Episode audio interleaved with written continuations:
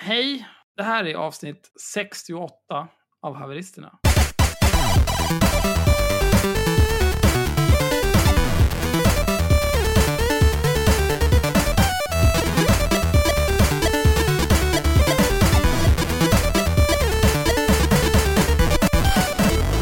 Jag heter Axel, Myra heter Myra, Henrik heter Henrik. Det är fredagen den 14 februari, alla hjärtans dag. Och vi har valt att spendera den här kvällen med dig, kära lyssnare. Och anledningen till att vi har gjort det är för att du ska bli Patreon. Ge oss alla dina pengar. Vi har tidigare haft en mycket lukrativ deal med vår nuvarande klippare pojke, Martin.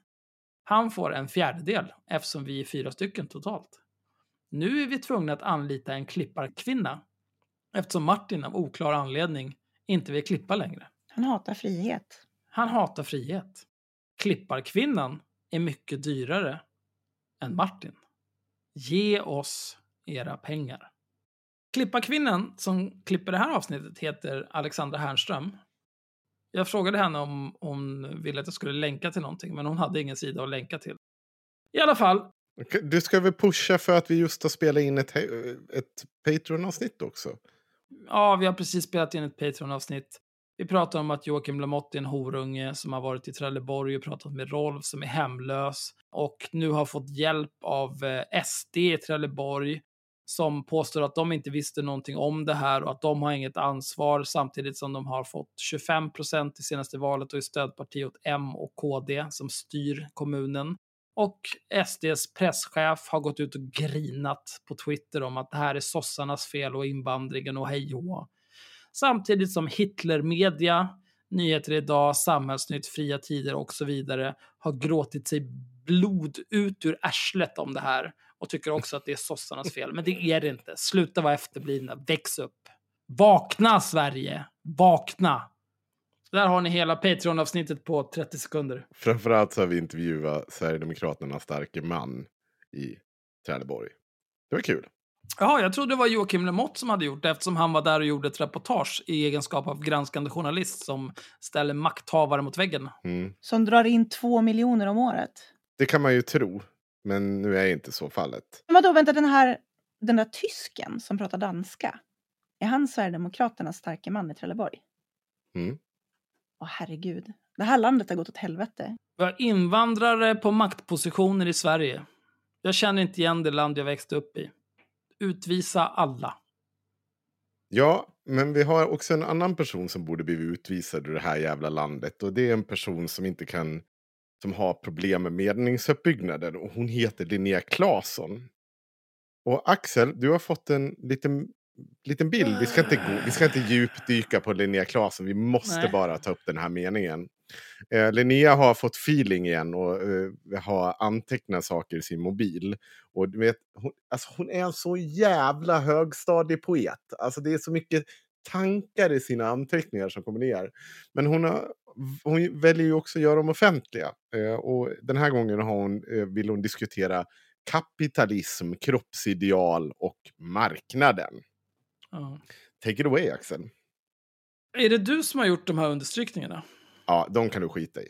Ja, jag kommer göra så här. Jag kommer läsa allt. Ja, du ska läsa allt. Ja, du behöver inte oroa dig, för jag kommer läsa allt. Ja.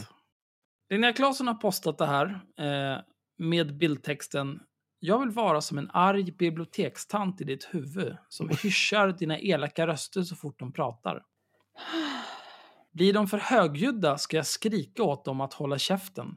Ta dem i örat och skicka ut dem. Tyst i biblioteket! Låt henne vara! Skriker jag innan jag smäller igen dörren efter dem så att du kan få läsa, lära, leka, leva i fred. I fred. I Linnea fri, fucking Claesson. Du är nästan 30 år gammal. Sluta skriva som att du är ett litet barn. Väx upp. Mm. Men det är inte slut.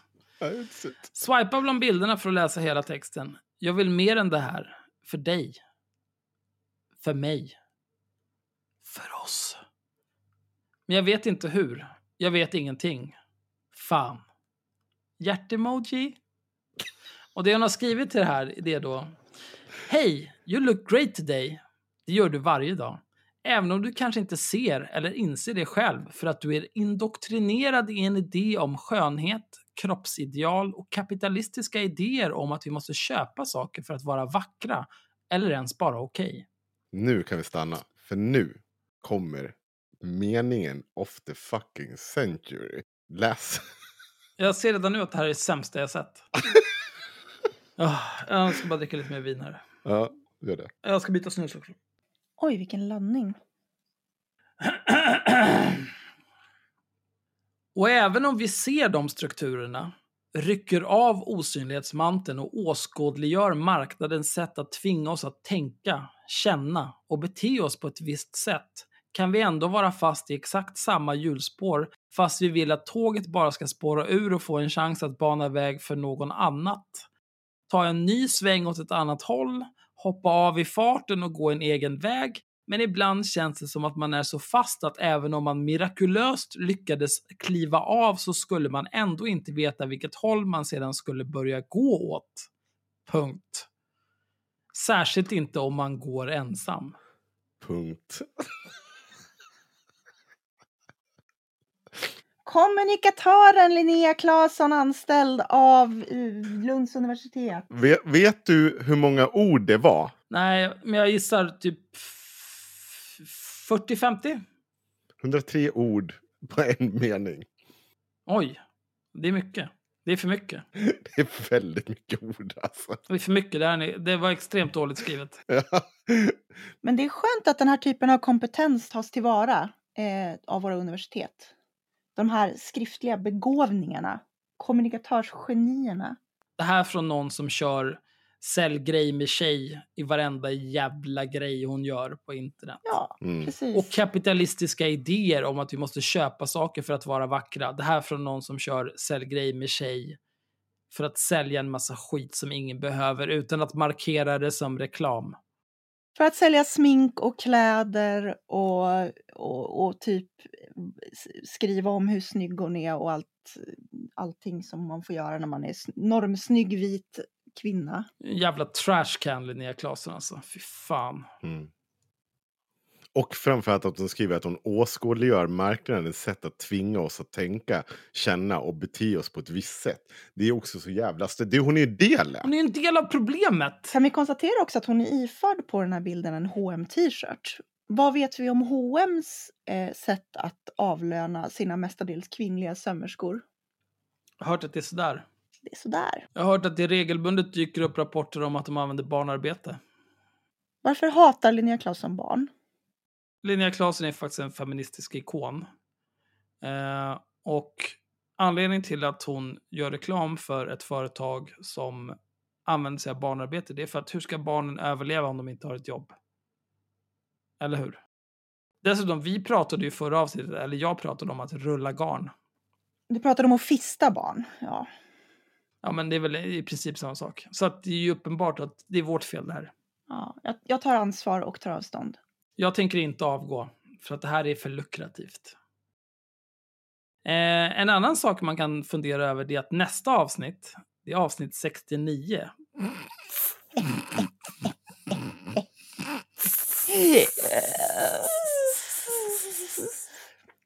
Ska vi ha sextema då alltså? Nej, eller ja, visst, varför inte? Ja. Jo, för att jag har en... eh, Jag har två tappra själar som har varit på en hel dag med bland annat Unison och lite andra idioter eh, där de har pratat om prostitution och porr. Ja. Och de har lovat att spela in det här åt mig. ja, det låter bedrövligt. Ja, vi kommer att må så dåligt. Det låter underbart bra för avsnitt 69. Varför kan inte de bara vara med i podden och berätta? Då? Det räcker väl med en av dem. Jag trodde inte vi ville ha gäster. En gäst är ju okej. Ja, en gäst är okej. Men nu får man ju också tänka på så här, nu med klipparkvinnan som tar betalt per timme hon klipper. Då är ett extra ljudspår, det är mer deg. Mm. Nu måste vi korta ner det här. Nu är avsnitten en timme långa från och med nu. Inga gäster. Tills vi får mer patrons. Och det är ert fel, lyssnarjävlar. Av våra lyssnare så är det ungefär 10% som är patrons. Om 20% var patrons, då skulle det här klippa kvinnans kostnader skulle inte vara något som helst problem. Jag skulle inte bry mig överhuvudtaget. Jag skulle bara kasta pengarna på henne och vara nöjd. Men nu är det inte så. Och det är ert fel. För att ni är horungar. Sluta vara horungar, bli patrons. Väx upp, bli patron. Det är mycket bra. Det är fan mycket mer variation på de avsnitten också. Det är allt från att galna hästtjejer till Linnea Claessons universitetsjobb till... Till nazister. Bråka med nazister, bråka med Mal- om Malcolm Kjenje. Kyene. Kiene, förlåt. Alla ni som började lyssna på oss för att vi pratade om Linnea Claesson, ni har hört perm 1, 2 och 3. Men har ni hört perm 4 och 5 som finns på Patreon? Det har ni inte, för ni är inte patrons. Ja, det finns mycket, mycket mer som är bra där. Jag äh, blir rosenrasande alltså. Mhm. Plötsligt, nu förstår jag hur eh, film och musikbranschen känner sig när de säger så här att You wouldn't steal a car. ja, Eller you wouldn't download a car. nej men jag förstår det helt och fullt alltså. Jävla freeloaders. Du håller på att bli Metallica med andra ord. Då vill jag att ni dödar mig om jag någonsin blir som Metallica. Jag tänker så här att vill ni inte bli patrons för att ni inte vill ge eh, nätet era detaljer så går det bra att swisha mig. Ni kan eh, messa mig så får ni mitt swishnummer. Allegedly. Oj. Jaha. Låt mig ponzi-skamma våra följare. Det är i och för sig, det skulle vi kunna göra. Rekrytera tre patrons så, så refundar vi din avgift varje månad. Det är inga problem, vi löser Det det. här är lysande. Varför har ingen tänkt på det här förut? Det här låter som ett pyramidspel. Det här låter 100% som ett pyramidspel. Det är inte alls det är inte ett pyramidspel, det är multilevel level marketing. Det är helt lagligt. Vi, vi poddar med hävstång. Du, kom in i matchen nu. Jag tänkte läsa en text av Daniel Suonen. Den gamle sossen. Det här publicerades ursprungligen den 7 februari i Aftonbladet. Det bär rubriken “Välfärden bör lära av Systembolaget”. En granne frågade häromdagen om jag sett ett paket. Eller om posten kommit. Om de nu kommer längre, sa hen. Jag sa något stödjande. Det är kris i Postnord. En tidigare välfungerande samhällsnytta avregleras till döds. På postkontoren talar man om andelen kvarlig. Den del av det som ska delas ut, som inte delas ut. Du, du tänker kvarlig, du, man, man tar med sig någon hem och ligger med dem och sen är de kvar dagen efter. Man ska alltid ha bortamatch man kan smyga hem när de har somnat. Ja. Och sova i sin egen säng. Nu ska servicen försämras ytterligare. I höstas var det upphandlade kaosbolaget Apotekstjänst som förstörde vården i Dalarna, Uppsala, Västmanland, Örebro och Sörmland. Hundratals operationer påverkades och fick ställas in när regionerna snålat och valt en billigare upphandling. Apotekstjänst var billiga klåpare som tidigare ordnat logistiken kring bandybollar. Samma sak är det med järnvägen. Varje gång jag ska ta tåget får jag hjärtklappning. Alla förseningar har skapat en Pavlovsk reaktion. Är det någon som behöver få Pavlovsk reaktion förklarat för sig? Jag behöver det, säger jag då. Pavlovs hundar. Mm. Pavlov gjorde olika typer av experiment. Han ringde en klocka och så hade han hundar. När hundarna kom för att han ringde i klockan så gav han dem mat. Och sen så började de dregla så fort han ringde i klockan för att de förväntade sig att få mat. Det är en Pavlovsk reaktion. Alltså när du, när du blir triggad av någonting. Eh, Mm. Liksom automatiskt. Så att ditt beteende förändras av en trigger. Kan man säga. Som att Suonen här ska åka tåg och får en Pavlovsk reaktion i form av hjärtklappning. Eftersom han vet att allting kommer fucka ur. Södertälje Syd är för mig alltid förknippat med att stå och vänta i ett utkylt stationshus och låna ut sin jacka till en nyfödd bebis. Vi kan ta elen, försvaret, apoteken, bilprovningen som alla blev sämre när samhället snikade sig ur sitt ansvar. Skolmarknaden, vårdvalet, det sinnessjuka PPM-systemet där skojarna på bolaget Allra tydligen inte gjort något fel.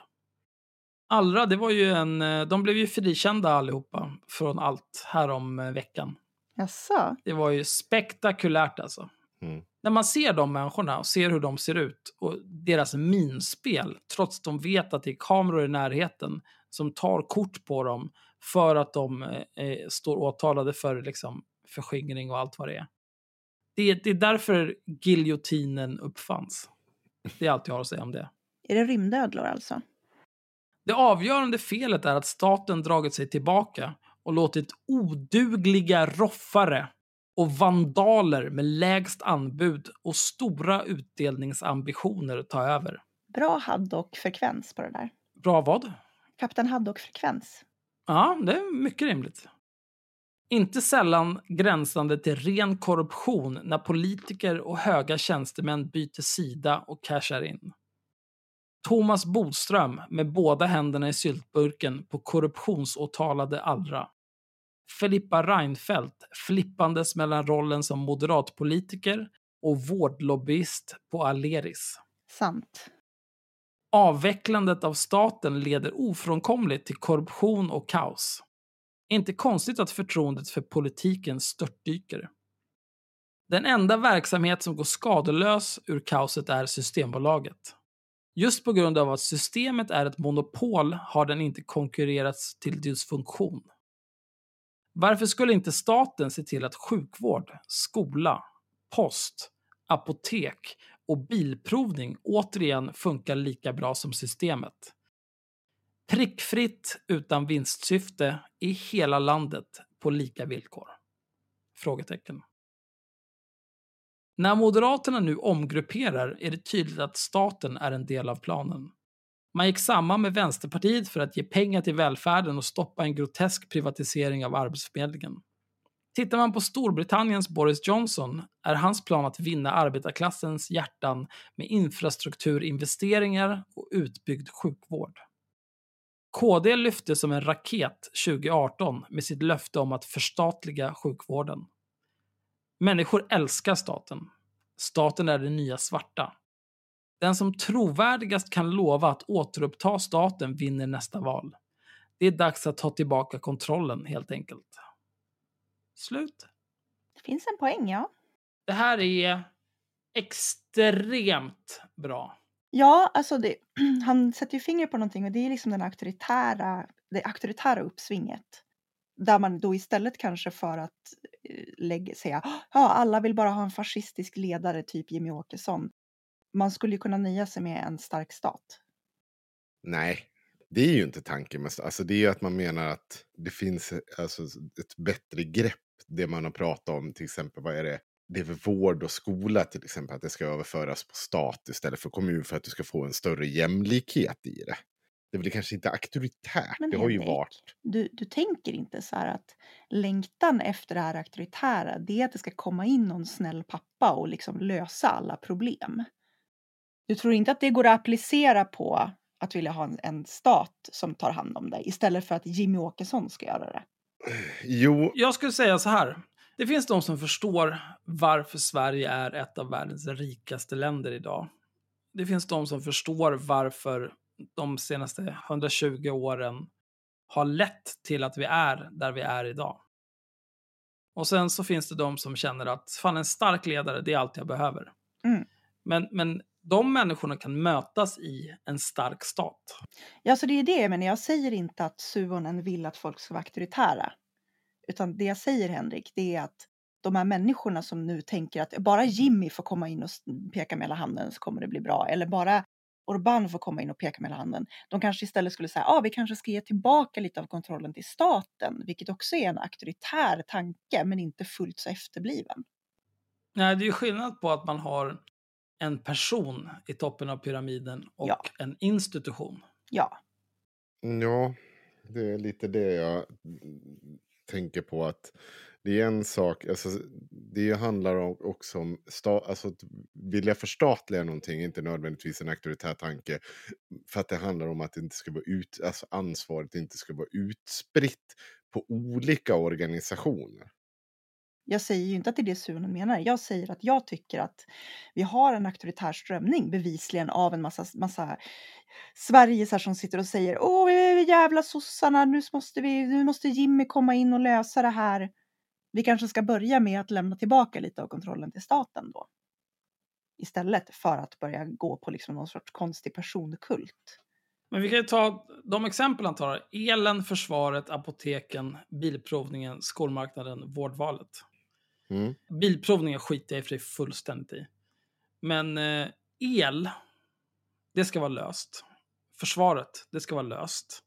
Att folk har tillgång till apotek så att de kan få ut sina recept, det ska vara löst. Det har vi pratat om tidigare i podden. Mm. När, när apoteken såldes ut, då såldes de i, i grupp. Så det var några lönsamma apotek och det var några icke lönsamma apotek i varje grupp. Och de som köpte förband sig att driva samtliga dessa apotek i den gruppen under ett visst antal år. Mm. Nu har de åren gått och alla de olönsamma apoteken läggs ner för att de- de privata ägarna är helt ointresserade av dem. Mm. Vilket gör att staten måste kliva in med deg och driva olönsamma apotek för att folk ska få tillgång till medicin. Så kan vi inte ha det. Förstatliga allt. Mm, tåg, antar jag. Nämnde han det? Ja, det var ju Ja. eh, hans Pavlovska reaktion.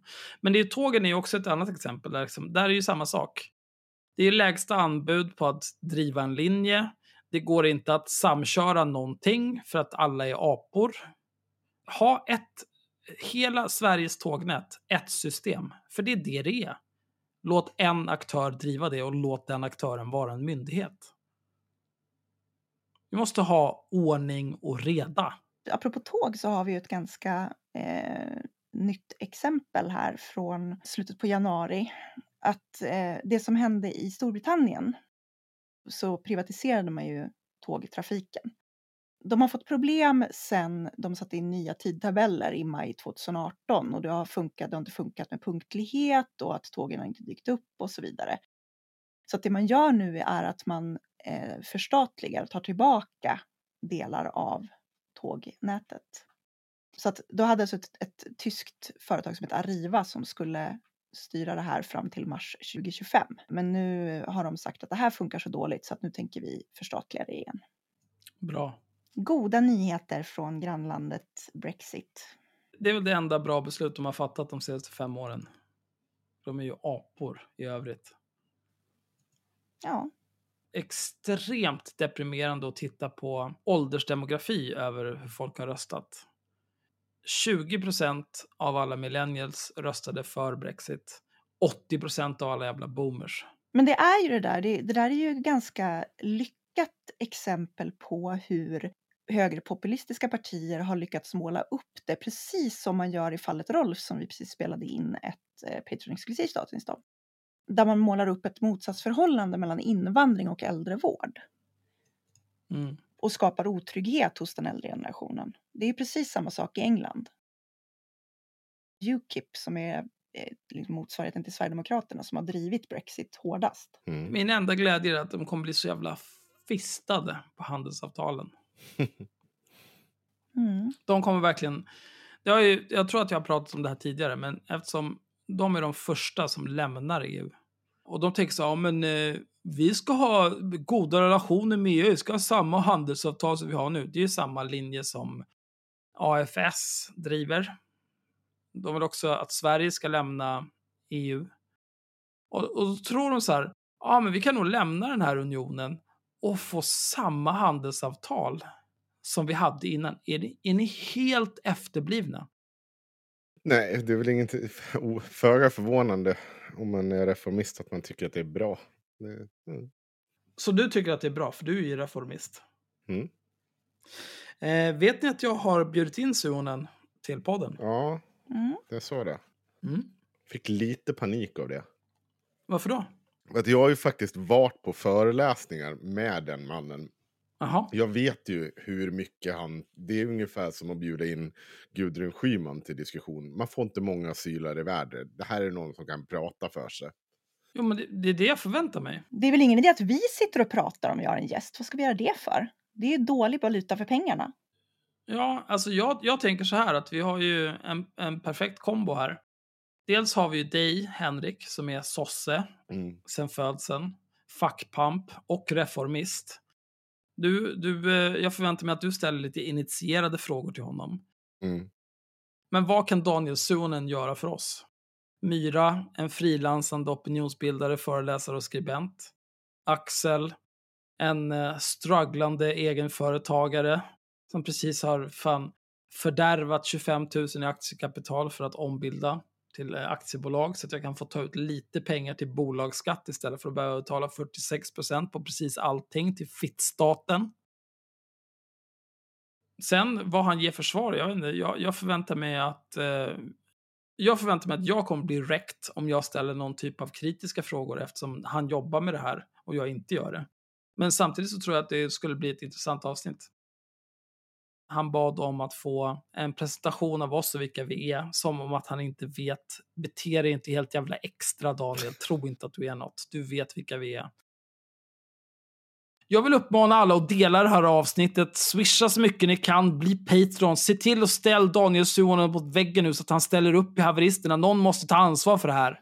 Ni kan ju också ställa frågor till oss om ni vill, att vi framför dem till honom. Nej, inga jävla frågor. Jag skiter i vad de har för frågor. Ni kan skicka dem till mig, till någon som faktiskt bryr sig om, att om våra lyssnare. Här, jag finns här för er. Jag kan vara er lyssnarombudsman. Vet du vad vi gör? Jag startar en tråd på Patreon, så kan de som är Patreon som betalar för sig, de som inte är horungar, de kan få ställa frågor. Pöbeln, de kan dra åt helvete. Mm. Jag skulle vilja prata om pissrånarna. Mm. Känner ni till pissrånarna? Mm. Jo, det är svårt att undvika. För de som inte känner till pissrånarna, så... Ja, jag läser en text här bara. Det är från SVT. Föräldrarna till pojken som rånade och förnedrade Liam. Skäms. Det här är en sån jävla dålig rubrik. Eh, Liam, det är då namnet som den etniskt svenska pojken som blev eh, rånad och förnedrad, helt klart, av eh, två andra pojkar. Liam är 18, de här två som rånade honom var 16 när det hände. Eh, rubriken här är då föräldrarna till pojken som rånade och förnedrade Liam, kolon, citationstecken, skäms, slutcitat. Mm. Men här ska ni få lite backstory till allt det här. För det intryck jag har fått, det är alla Sverigesar har liksom kukat ur över det här. Och de yrar om att så, ja, det här rasistiska våldet mot svenskar och hej och. Jag har läst artiklar de kallade honom svennejävel. De säger att de, de gjorde det de gjorde, rånade och pissade honom i ansiktet för att han är svensk och så vidare. Jag kan absolut gå med på att det var rasistiskt motiverat. Jag har inga problem med det. Jag är inte villig att gå med på det. Vad, vad har du för invändningar? Det är skillnad på att konstatera att den här personen har utsatts för rasistiska genmälen och eh, liknande och har förnedrats. Och att säga att det är ett rasistiskt motiverat brott. Till exempel Breivik var inte terrorism. Jag skulle säga att det var det. Mm, 100% terrorist. Ja, hade han varit brun hade de förmodligen sagt att det var terrorism. Och det argument man försöker göra från vissa håll nu, det är ju att om det här hade varit vita som misshandlade en brun människa så hade det varit, då hade man sagt det här är ett hatbrott. Och det kanske man hade. Men, men alltså det beror ju på vad motivationen är. Rånade de honom för att han var vit eller rånade de honom och sen så för att han var vit så sa de de här specifika sakerna? Det är ju skillnaden mellan ett hatbrott och bara att de är svin och rasister. Om han som blev rånad hade varit svartskalle istället för etnisk svensk och de två som rånade honom hade varit etniska svenskar istället för svartskallar, då hade det här inte ens stått i tidningen. Mm. Det tror jag kanske att det hade gjort. Det tror inte jag. För tittar man på liksom, eh, mängden hatbrott i Sverige, det är typ 7000 hatbrott i Sverige per år. Mm. En försvinnande liten andel handlar om att majoritetsbefolkningen, det vill säga etniska svenskar, blir utsatta för någonting. Det är olika typer av svartskallar som blir utsatta för saker. För att de är svartskallar. Deras argument här är ju precis det då att hade det här, det är därför att det inte rapporteras som hatbrott när det är bruna som gör någonting mot vita. Nej, men det här, det, ingen har ju pratat om något annat på den senaste tiden. Mm. Och det är ju för att han, brottsoffret här är vit. Det är därför de Absolut. pratar om det. Ja. Vad har hänt med alla de andra 7000 personerna som har blivit utsatta för hatbrott varje år? Ser ni ju 7000 olika artiklar om saker som hänt. Så, ja, någon nazist hoppade på någon svartskalles huvud. Någon dum jävel skrek ljudjävel efter någon utanför judiska. Det händer ju inte. Ingenting får så jävla mycket uppmärksamhet som när det är fucking white people som blir utsatta för någonting. Men alltså det, det här är lite grann som med terrorismen. Du vet med, man, man började snacka om, om så här, åh det är så hemskt med alla muslimska terrorister som ska komma och bomba skiten ur alla västerländska vita stackars länder. Och sen så började folk säga, men vänta nu, de flesta som utsätts för IS terrorism är andra människor i deras hemländer. Det är liksom 90, 80, 90 procent av alla som skadas av terrorister. Men det hör man ingenting om, utan man har bara någonting om det när det drabbar västerlänningar. Vilket är oerhört märkligt, därför att då gör man ju på något sätt distinktionen att ah, ja, men de här människorna bor i de här länderna och, och har samma hudfärg, så de får skylla sig själva. Jag kan börja med att säga så här. Liam, som blev rånad, misshandlad och pissad i ansiktet av de här två jävla horungarna. Jag hoppas att det här är det värsta som händer honom i livet. För det låter helt vidrigt att bli utsatt för något sånt här. Och jag kan, jag kan tänka mig att han kommer gå och lägga sig, om inte i månader framöver, kanske till och med år framöver, och stirra upp i taket och ligga vaken och tänka, fan, jag skulle bara, om jag hade bara kunnat dra ner dem på marken och sparka dem i huvudet tills det bara var blodmås och benflisor kvar. Mm. Så mår han förmodligen nu. Eller så, jag vet inte, han kanske mår jättebra, jag har ingen aning. Men så hade jag mått efter något sånt här. Men den här psykosen över att det här skulle vara ett superstort problem med det ras- rasistiska våldet riktat mot etniska svenskar väx upp. Hade det här varit en tjockis så hade de kallat honom för tjockis och så hade det varit ett hatbrott mot tjocka. Ja, Jag kan tänka mig att de här två, de är bara horungar som skulle må bra av att få mer stryk. Alternativt mindre stryk beroende på vad de har för hemförhållanden. Skulle vi resonera så eh, om det hade varit en svart person som... Om, de, om vi hade varit två vita personer som hade slagit på en, en svart person. Och så mm, hade vi sagt att det, här hade, det hade nog egentligen inte med rasism att göra. utan Eller ja, det hade vi nog förmodligen. Levde vi i ett samhälle där oddsen var större att svarta hade betydligt bättre ekonomisk, socioekonomisk status, eh, bättre förutsättningar, allting än en vit. Och en vit person hade, hade valt att spöa en svart person i den kontexten. Då hade jag också sagt, det här kan lika gärna vara ett jävla klasshat. Det finns ju en fantastisk eh, rapport från Brå som Advokatsamfundet skrev en sammanfattning av för det är säkert tio år sedan nu. Jag kan Mm. länka den i avsnittsbeskrivningen. Jag tror överrisken för att misstänkas för brott om man var invandrare ligger någonstans runt två. Mm. Överrisken för att misstänkas för brott om man kommer från ett hem som har mottagit eh, försörjningsstöd Socialbidrag. Ja. eller socialbidrag som det hette då var över sex. Ja, Men jag läser den här texten nu så kan vi fortsätta diskutera det här sen. Två 16-åriga pojkar rånade, misshandlade och förnedrade Liam, 18. Allt visades i ett videoklipp som spred på sociala medier. SVT Nyheter har träffat föräldrarna till en av de misstänkta. Vi är helt tillintetgjorda. Jag skulle inte acceptera att något annat barn gör så här mot min son, säger mamman. Liam, 18, var på väg hem från jobbet när han blev överfallen av två 16-åriga pojkar. Först blir han misshandlad, sen väljer en av killarna att urinera på mig medan han filmar detta, har Liam, som egentligen heter något annat, berättat tidigare för SVT Nyheter. SVT Nyheters reportrar Diamant Salihu och Carol Atalla har träffat en av de åtalade pojkarnas föräldrar i en förort till Stockholm. Jag hade aldrig trott att min son skulle göra något sånt. Aldrig någonsin. Jag kan inte uttrycka hur ledsen jag är för det här, säger mamman och fortsätter. Vi är helt tillintetgjorda. Jag skulle inte acceptera att något annat barn gör så här mot min son. Föräldrarna kom till Sverige för sex år sedan. Båda jobbar deltid, pappan pluggar på SFI och mamma studerar till undersköterska. Och ekonomin är enligt föräldrarna god. Sonen får det han behöver. Min son får märkesmobil och märkeskläder för att han inte ska snegla på andra saker. Han har månadspeng och när han behöver mer pengar swishar jag eller hans mamma. Inget fattas honom, säger pappan. Enligt föräldrarna har 16-åringen tidigare varit skötsam, men på senare tid har oron växt då han har haft hög frånvaro i skolan och umgåtts i kriminella kretsar. Vad har ni som föräldrar för ansvar för att det här kunde hända? Han är vår son och vårt ansvar. Men han var ett barn, en tonåring. Han är så ledsen för det han har gjort. Vi också. Vi skäms så, svarar pappan. jag tror inte han är ledsen. Jag tror inte heller han är ledsen. Den här unga personen berättade att han blev kallad för bland annat svennejävel när han blev utsatt av er son. Varför tror ni att han ger sig på en person som har svensk bakgrund? Sverige har gjort så mycket gott för oss, aldrig något ont. Min son skulle aldrig ha sagt så felaktiga saker. Vi är så nöjda med det här landet.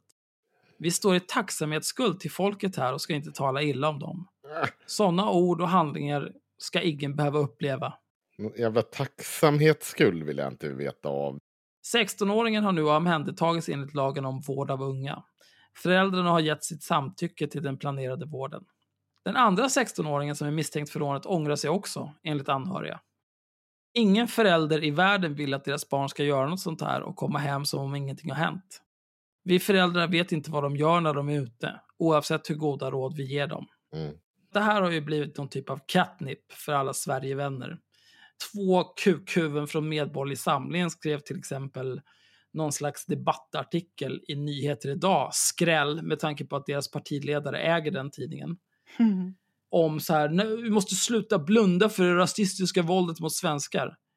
Knulla er själva, rätt upp i arslet. Drygt 7000 hatbrott per år. Hur många riktar sig mot svenskar? Försvinnande få. En handfull. Och ändå så är det här det enda det här fittlandet har pratat om den senaste veckan. Jag kan säga så här, jag, jag- kan berätta en historia från min ungdom. Jag var nere på byn med mina polare, drack öl på Söder. Vi var säkert på Carmen kan jag tänka mig. Vi gick genom Björns trädgård på väg till något annat ställe. Jag gick sist av alla och så går det förbi två killar. En av dem tittar på mig och säger jävla afanigger och jag tänkte vad fan är det här? Och så vände jag mig om och vad fan sa du? Och då sparkade han mig i huvudet. Må hända, jag var visserligen pissfull. Men eftersom han träffade extremt dåligt så tänkte jag, fan, jag är ju osårbar. Hur ska du kunna göra någonting mot mig? Den här känslan känner jag igen. det här har hänt mig också. Ja, men det var som att han bara touchade på kinden. Och jag tänkte så här, helvete vad spön ni kommer få nu. För att nu ska jag bara hämta hem Mjölnir här och sen ska jag bara blixtra er rätt upp i arslet. Sen sparkade han mig i huvudet igen och träffade otroligt mycket bättre. Jag gick direkt ner i backen. Försökte ställa mig upp. Då sparkade han mig i huvudet igen. Oj, Och sen tänkte jag så här, fuck det här, det här är för dumt. Sen gick de. Dagen efter så, jag tänkte så här, ja, det är så här det är. Och anledningen till att jag tänkte det är så här det är, det är för att ända sedan jag föddes så har min mamma alltid sagt till mig så här, du måste alltid vara dubbelt så bra som alla andra för att du är svartskalle. Du kan inte vara här i Gamla stan till exempel efter att det har blivit mörkt för att det var tusen jävla nassar som hängde på helikopterplattan och hoppade på folks huvuden. Då blev jag övertygad av mina vita väl, välmenande vänner så här, men du måste anmäla det här, det här kommer göra skillnad i statistiken, bla bla. Går till polisen säger så här, ja, nej, jag vet inte, jag blev sparkad i huvudet. Eh, AFA-nigger, OSV, OSV. Jag har aldrig haft med AFA att göra överhuvudtaget, men Du är ju en vänsterextrem profil har jag läst på Samnytt. nazister kanske inte ser jättebra skillnad på en svartskalle och en annan. Eller så tänkte de att, ah, whatever. Och det hon sa till mig, hon som tog emot anmälan, det var typ så här, ja, ja, det här kommer nog inte leda någonstans. Det här är ju svårt. Ja, ja, jag förstår det. För att det är inget konstigt, det är klart jag förstår det. Några, två kukhuvuden jag aldrig har sett. En av dem sparkade mig i huvudet. Och sen gick jag vidare med livet. Och det här är verkligheten för alla jävla svartskallar i det här landet. Det blir inte det här jävla outrage. Alla ska grina ögonen ur sig. Så, Åh, det är fantastiska rasistiska våldet mot så här. Fan, laserbanden. Det, det var ungefär lika mycket uppmärksamhet kring laserbanden. Jag gick ut och sköt folk. Mm. Knulla er själva era blåögda jävla horungar. Väx upp och acceptera att det är så här verkligheten ser ut. Vissa människor är fittor och de kommer försöka skada dig. Det är så det är. Det är inte för att du är speciell på något vis, det är inte för att någon är ute efter dig. Vissa människor är bara horungar. Men jag lider med Liam och jag hoppas att de här två snorungarna blir sönderslagna någon gång, för det förtjänar de. Det har ju diskuterats ganska mycket om det här med att polisen rapporterar om att allt råare våld och att det har kryper ner i åldrarna, de här typ personrånen. Och det hoppas jag innerligt att det stämmer. Men, med det stora männet och tillägget är att det är inte första gången i världshistorien polisen går ut och varnar efter, eller att vi får de här an, an, allmänna jävla varningen om att någonting ökar så visar det sig att ingenting har ökat när det väl kommer till kritorna. Så jag hoppas att den här gången stämmer att det inte är någon slags jävla panik. Det har skett en ökning av rån eh, av minderåriga. Ja, nej men det enda jag bara säger är att det är jävligt viktigt att vi hanterar sånt. Och jag kan ju bli så här. Det vart ju, Sverigevärlden och allting vart ju tokiga för att Stefan Löfven hade gått ut och sagt att ja, det här kommer från det borgerliga styret, menade han. När man läste artikeln så var det väl lite mer nyanserat än så. Jag kan dock tycka att det börjar bli lite trist att man skyller på någonting som hände för åtta år sedan, även om jag verkligen också håller med. Nej, men om vi gör enorma neddragningar i välfärden, om vi inte klarar av och hanterar att integrera människor som kommer hit och så vidare och allting det blir eftersatt. Då tror jag absolut att det är sånt här som händer. Alltså våld, eh, alltså stölder. Sånt. Det finns en korrelation mellan det och brott i ett samhälle. Jag tror att det är en av anledningarna till att vi har haft en så jävla ett bra land i så många år. Jag tror att vi fortfarande vi har ett väldigt bra land. Men på det stora hela, i det långa loppet, funkar. Jag tror inte att bara att jag liksom inför ett hårdare straff eller någonting, att det kommer göra någonting, någon, något som helst utfall på faktiskt att det, det, det sker brott. Det funkar inte så. Utan det handlar om hur man bygger samhället. Argumentet för hårdare straff är ju inte att det ska avskräcka längre. För att de har ju äntligen, de som propagerar för hårdare straff har egentligen accepterat att det finns ingen forskning som stödjer det. Nej, nu Nej. säger de ju bara att det är för att man ska hålla dem borta från att kunna begå brott. Ja. Precis. Om, någon, om en mördare sitter i fängelse så kan den inte mörda liksom. Men, men då är det ju så här också, ska vi sätta folk i fängelse för att straffa dem eller, och för att hålla dem borta från samhället? Eller ska vi ha någon typ av rehabilitering i det där för att återintegrera dem i samhället? För om vi inte är intresserade av att återintegrera brottslingar i samhället, då kan vi lika gärna skjuta dem i huvudet. Mm. Det är mycket billigare än att hålla dem inlåsta resten av livet. Mm. Begår ett brott, ja, en gång är ingen gång. Två gånger, det är tråkigt, det blir tio år. Tre gånger, ja, nackskott. Mm. Jo, men precis. Det är ju, det är ju exakt det där. Fan vad enkelt det lät. Skönt. Men det är ju därför alla tycker att det är bra. Det är ju superenkelt. Det är så här, ja men okej, du begår ett brott. Då, då bara hugger vi av händerna. Mm. Jaha, nej, du begår, begår, begår brott med fötterna. Ja, då hugger vi av dem också. Eller så gör, tror vi som Malcolm Chiene tror, att vi behöver lite progno, progno, prognomer. Progressiva? Nej, prognomer. Alltså typ... Pog, pogromer. Pogromer? Pro, ja, pogromer. Pogromer. Som ja. kristallnatten alltså? Ja. Absolut. För att det ska bli lite ordning och reda i samhället. Så att vi reder ut vilka gemensamma värderingar som råder. Han har ju inte fel om det alltså, för att jag har ju många gånger sagt att det Sverige behöver är ett krig. Så att folk lär sig prioritera. Och få lite perspektiv på hur vedervärdigt jävla bortskämda vi alla är i det här landet. Men om ni vill veta mer om detta så blir ni Patreons. Vi pratade om det i förra Patreon-avsnittet. ja, det gjorde vi. Det är sant. Mm. Bra. Vänta, här har jag en artikel ju. Antalet rån där offren är under 18 har mer än... Jag går och kissar medan du pratar om det här. Varför gör du det? Det är för att jag hör dig i hörlurarna Du visar mig den respekt jag förtjänar och sitter kvar där du är. Det här är också från SVT. Eh, rubriken är Ungdomsrånen blir allt råare, mer våld och mer förnedring. Från 11 februari 20 lax 20. Antalet rån där offren är under 18 har mer än fördubblats mellan 2016 och 2019, enligt en rapport från polisen. Förra året anmäldes 2484 sådana rån och ofta är även gärningsmännen minderåriga eller inte ens straffmyndiga, alltså under 15 år. Ja, jag tror att ett samhälle som har ökande klassklyftor och där man hela tiden har liksom en politik och en allmänhet där man ställer grupper mot varandra, precis som vi sa om gamla människor och invandrare.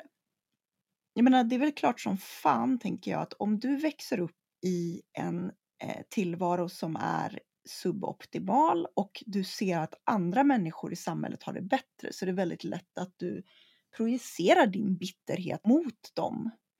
precis som, som arga feminister som vill skylla allting på männen hela tiden. Det är klart att det finns invandrarkids som tycker att allt är svennars fel, liksom. precis som det finns sverigedemokrater som tycker att allt är invandrarnas fel. Därför att det är en jävligt lätt lösning.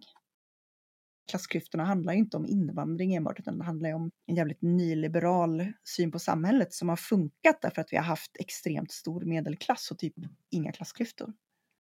Komplicerade problem kräver komplicerade lösningar, men... Nej, jag vill ha en enkel lösning. Ja, men då hugger vi händerna av brottslingar. Ja, tack. Då är vi överens. Det är därför jag fortfarande tror lite grann på arbetsläger.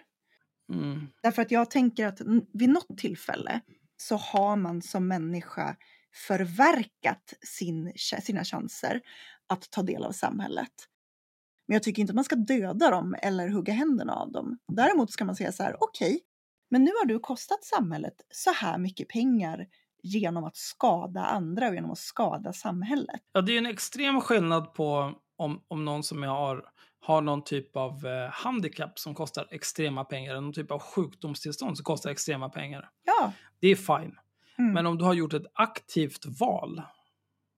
Precis. När Henrik säger att, att, liksom att det ska inte finnas någon sån här du måste vara tacksam. Jag tror vi pratade om det här med Loai eh, när Loai var med i podden. Avsnitt 51.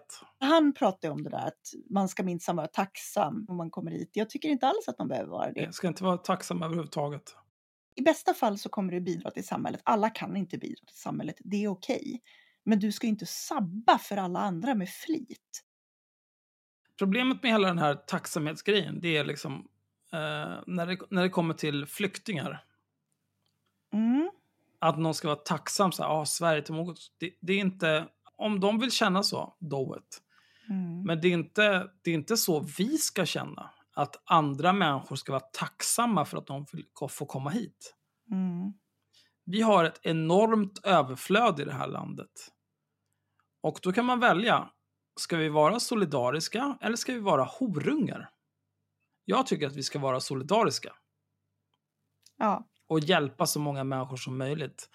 Oavsett om det är så att människor behöver komma hit för att det inte är tryggt i det land de är. Jag skiter i var i världen det är. Det spelar mig Mm. ingen som helst jävla roll. Eller om det handlar om att vi ska skicka fredsbevarande trupper koordinerat med EU eller FN, whatever. Jag bryr mig inte. Do it. Eller om det handlar om att vi ska göra infrastruktursatsningar och skicka bistånd till andra länder. Fucking do it. För alltså, vårt mål är enkelt. Vi behöver kolonisera Mars som ett första steg till att betvinga hela vårt solsystem och därefter galaxen och till slut universum. Och hålla på så här, ja men du kommer från den här delen av det här lilla dammkornet där vi bor. Är ni efterblivna? Ha lite visioner. Vi ska bygga ett evigt rike som ska spänna över hela detta universum. Och när vi har det, då ska vi in i det universum som ligger oss närmast. Då ska vi ta den skiten också. Allt vi ser är vårt. Men bara om vi handlar i solidaritet tillsammans och fokuserar våra resurser på saker som spelar roll. Ska vi röra oss vidare? Myra ska få ta sin. Ja, men jag har inte så mycket att säga om det här. Jag tänkte... Jo, jag tycker du ska do it. Jo, do it. Ja, men alltså jag vill inte, jag, jag kan svara på det. Så här var det ju. Jag, eh, jag fick en förfrågan om att skriva en debattartikel i Göteborgs-Posten om just det här eh, vidriga som hände en eh, kvinna som sålde sex i Kanada. Det fanns en man som var dömd på till livstid för att han hade brutalt mördat sitt ex. Han hade misshandlat sin fru innan det och så här. Trevlig kille. Eh, när han släpptes ut villkorligt så var ett av kraven att de satte på honom den här paroleboarden att du måste rapportera om du träffar kvinnor. Därför att de trodde att han hade en måttlig återfallsrisk och de ville hålla koll på honom. Men det hans parole officers bestämde sig för att göra, det var så här, ja nej men den här snubben han eh, har ju sexuella behov så att då tycker vi att han kan gå på en sån här massagesalong och ha sex med sexarbetare. Så att inte vanliga kvinnor behöver utsättas för honom. Vilket är vidrigt på alla sätt och vis. För det som hände var ju då att han går till den här massagesalongen, är våldsam mot några anställda, varpå han blir portad och kommer då överens med en av de här om att han ska träffa henne på ett hotellrum. Varpå han mördar henne och sen går till polisen och talar om att han har mördat henne. Och det här var en 22-årig tjej som hette Marilyn. Det är så jävla äckligt alltihopa. Därför att du har ett, ett samhälle där man tycker att en mans sexualdrift är viktig nog att man ska göra någon sorts undantag mot lagen. För det är nämligen förbjudet i Kanada att köpa sex. Det är en ganska lik modell den vi har i Sverige. Så dels det, att man ska gå emot lagen för att det är så himla viktigt att den här livstidsdömda kvinnomördaren ska få knulla. Men också då att man tycker att ja, ja, men han kan ju gå och träffa en sexarbetare istället för att han ska behöva dejta riktiga kvinnor. Och jag var jättearg på det här och skrev om det och då bad Göteborgs-Posten mig att skriva en debattartikel. Ooh, haram! Ja. Haram! Mm. För er som undrar varför Göteborgs-Posten är haram, bli patrons och lyssna på Göteborgs-Posten är extremt klandervärda, parentes, och slickar i sig dina skattepengar, slutparentes. När dör den här mimen? Oförrätter är för evigt. Så jag skrev en text om det och jag skrev också om problematiken som jag ser med att man eh, tar in den svenska sexköpslagen i andra länder. Det, det är ett långt resonemang. Jag, vi, vi, kan länka till artikeln, debattartikeln så kan man läsa den. Så att när han då blir portad från den här massagesalongen för att han har varit våldsam så väljer man att inte rapportera det till polisen därför att man sysslar ju ändå med olagliga saker. Och det Eh, hade det inte varit så så hade han eh, åkt dit för det innan han hann mörda någon. Perfekt. I det här så drar jag också parallellen då till att det finns ganska gott om undersökningar som visar att när man förbjuder sexköp så blir situationen mer otrygg för eh, de som säljer sex. Eh, och det hänvisar jag till och så säger jag att det är kanske inte så att vår lagstiftning är så jävla bra alla gånger och liksom ibland så leder den till att folk blir skadade eller som i det här fallet dödade. Och sen så fick jag ju lite reaktioner på det såklart då. Får jag fråga en sak? Jag vill bara bromsa. Vad är det du vill egentligen? Då? Lagstiftningen i Sverige. Vad vill du att vi ska ersätta den med? Det finns flera alternativ som jag tror skulle funka. För det första så skulle jag, om vi ska ha kvar sexköpslagen, om vi vill att det ska vara kriminaliserat att köpa sex, vilket jag inte är säker på är det bästa och det har ingenting att göra med att jag tycker att eh, det ska vara helt oproblematiskt att köpa sex. För jag har väldigt, väldigt svårt att, att empatisera med människor som gör det. Men vill man ändå ha kvar det så skulle jag som allra minst slopa kopplerilagen. Fast jag, jag ville höra vad du vill. Jag konstaterar att det här är jävligt komplext, att det förmodligen inte finns en perfekt lösning på det. Därför kan jag se två lösningar. Och det här är den första. Vill man behålla sexköpslagen om man vill att vi som samhälle ska säga att nej, det är, det är, det är dumt att köpa sex, ingen ska göra det, det ska, vara, det ska vara kriminaliserat. Vilket jag har mindre invändningar mot än jag har emot massa annat. Därför att jag har väldigt svårt att empatisera med människor som köper sex. Då skulle jag ta bort kopplerilagen. Därför att... Vad säger kopplerilagen? Men låt mig prata klart så ska jag ju berätta det. Det är det som gör att människor som säljer sex inte kan organisera sig. Därför att då kan de åka dit för koppleri. Den skulle jag ta bort därför att kunna Vad säger kopplerilagen? Men jag berättade ju precis det. Nej, det gjorde du inte. Du säger att man kan åka dit för koppleri. Jag vet inte vad det betyder. Vad betyder själva grejen? Kopplerilagen är ju när du hjälper någon att sälja sex. Egentligen så är den till för att om du är en pimp som säljer folk så ska du kunna straffas för det. Okay. Problemet är att den används inte bara för det. Det är inte så att den används för att sätta dit onda män som har traffickat hit kvinnor från andra länder. Alltså säg att, att jag och fem andra sexarbetare skulle st vilja starta en organisation för att sälja sex tillsammans för att det skulle göra att vi hade eh, bättre trygghet. Då skulle vi tekniskt sett alla vara eh, skyldiga till koppleri. Så att den skulle jag ta bort därför att den förhindrar att människor eh, organiserar sig eller samarbetar och det är farligt. Därför att det man vill ha bort är ju människohandel, alltså när någon tvingar någon annan att sälja sex för att de ska tjäna pengar. Och det är redan människohandel, så vi behöver inte kopplerilagen för det. Ska man inte göra det och den modell som både då den som jag tenderar att, att, att, lyfta därför att det är någonting som, som jag vet att sexarbetarorganisationer förespråkar och det är någonting som Världshälsoorganisationen, Amnesty International, eh, Alliance Against Trafficking in Women och en massa andra eh, organisationer i, globalt förespråkar en avkriminalisering. Vad innebär avkriminalisering? Jag och Axel har pratat om det här i sexköpsavsnittet at length, mm. men den snabba versionen är så här. Om vi säger en legalisering, det är vad man har i Tyskland och en legalisering går ut på att staten sätter regler för när, var och hur du får sälja sex. Det kan till exempel vara att du får bara sälja sex på statliga bordeller eller du får bara sälja sex om du har papper som visar att du inte är bär på sjukdomar eller så vidare. Alltså det är en typ av reglering av vilka och när och var och hur du får sälja sex.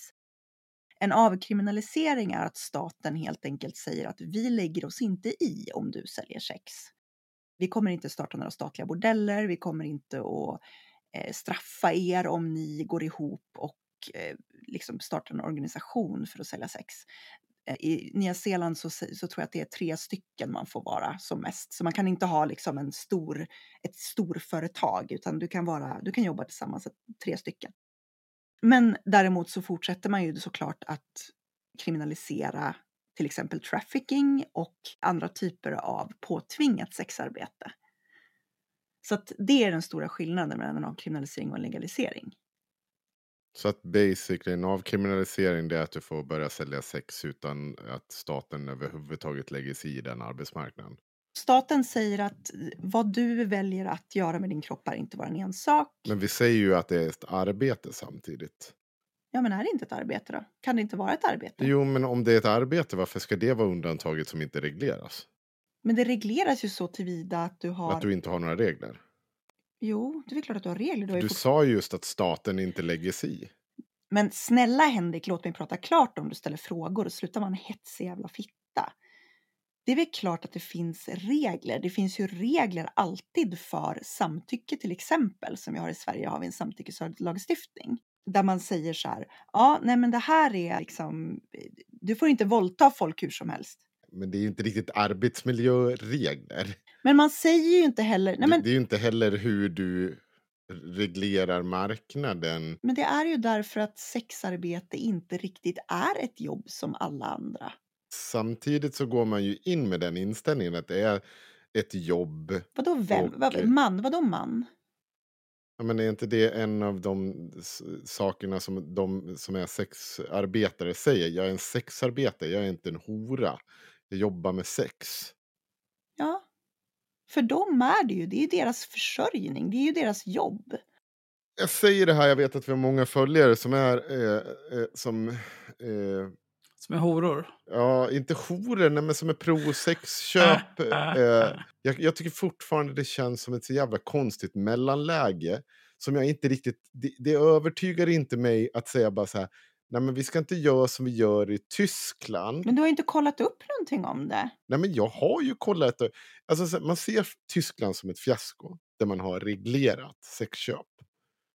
Eller har jag, för det har du sagt både en och annan gång i både min närvaro, för så illa har jag inte lyssnat, så in, illa har jag inte läst dina texter. Du har pratat en hel del när folk kommer och säger så här, oj, nej nu säger de legalisering. Det har jag aldrig sagt. För det, det, jag, jag, håller inte, jag tycker inte att legalisering. Eller vill du ha legalisering? Nej. Okej, okay. bra. Tycker du att Tyskland är ett bra exempel? Nej, bevisligen inte eftersom de har legaliserat det, eller hur? Då, tänker jag att, då tycker jag det är väldigt, väldigt konstigt att alternativet till Tyskland det är att inte ha så, li, alltså ha så lite regler kring det här som möjligt. Vilket en avkriminalisering såklart skulle leda till. Jag förstår, det finns ingen för mig logik i det. Det betyder inte att jag är negativ, men det är ingen hittills som har lyckats med bedriften att förklara den logiken för mig. Och det får jag, jag Nej, men du sov det också genom hela avsnittet när jag och Axel pratade om det här i två timmar. Jag har lyssnat på det i efterhand. Äh? Är det en sak som inte går att svara på nu? Men jag förstår inte vad du är ute efter. Jag är ute, ute efter att förstå, Myra. ute efter att diskutera frågan. För du kommer ju snart... Vad är, men vad är det du vill förstå, Henrik? Ja, men jag vill förstå varför en avkriminalisering skulle vara bättre än en legalisering där du, reglering ingår. Ja, det kan jag svara på. Ja. Jag vet. Okej. Om de som köper sex begår ett brott, då blir det per automagik ett större problem för de som säljer sex. Mm, det- det- den logiken håller jag med om. Det är samma princip som att om du har dödsstraff och någon har rånat en bank, skjutit någon i huvudet och på vägen ut skjutit mot polisen. Den personen vet att de kommer få dödsstraff om, de, om polisen tar dem. Mm. Då, de kommer skjuta alla som är i vägen. För man Mm. slutar bry sig. För att det finns liksom inget... Det, konsekvenstaket är nått. Varför avkriminalisering är bättre än legalisering och reglering. Därför att ett av problemen som uppstår när du har en, en legalisering, det är att man konstaterar att eh, i gruppen som säljer sex så är det en ganska stor grupp, mer i andra länder än i Sverige förmodligen, därför att du har ett sämre socialt skyddsnät. Du har en ganska stor grupp utsatta människor. De här utsatta människorna i en legalisering kommer att behöva hantera eh, en massa jävla red tape för att uppfylla de lagar som finns runt att sälja sex. Eh, vilket är så här, om de var jättebra på att fylla i blanketter och liksom göra allting by the book så hade de kanske inte sålt sex från första början. Som sagt, jag argumenterar inte för någon av de här lösningarna därför att jag har inte allt där i huvudet, för det är inte ett av mina största områden som jag har svinbra koll på. Så att vi ska alltså som, som stat, vi ska alltså ta till hänsyn till hur bra en arbetare är på att ge sig in i en bransch. Det vill säga att om, om alla snickare kommer och säger att alltså, jag valde ju faktiskt snickeriet för att jag skulle jobba mer med händerna, så jag är inte så bra med siffror. Så att om vi skulle kunna ta och avreglera vår marknad lite. Jo, men, men samma bokföringsregler skulle väl gälla för någon som driver ett aktiebolag eller en enskild firma och säljer, säljer sex. Precis som det gäller för en snickare. Vi har ju åtgärder i samhället där vi konstaterar att det finns människor som är utsatta och att de Mm. behöver extra stöd eller lättare arbetsuppgifter eller vad det nu kan vara för att kunna klara av att ha en fungerande vardag, eller hur? Det här är en sån grej. Är det här en marknadsåt- eller en arbetspolitisk marknadsåtgärd? Ja, men det är väl klart att det är på sätt och vis. Det är en arbetsmarknadspolitisk lösning. Nej, men det, det här är ju, det vägrar ju. Alltså så det här är ju det konstigaste jag har hört. Det är, det är ju inte... Ja, men du är ju inte intresserad av att försöka förstå heller. Jo, det är jag ju så otroligt intresserad av, av att förstå. Jag ställer jättemycket frågor om de funderingar jag har. Om du inte kan förklara eller argumentera för din sak, då är det inte mitt fel. Det kan du inte lägga på mig.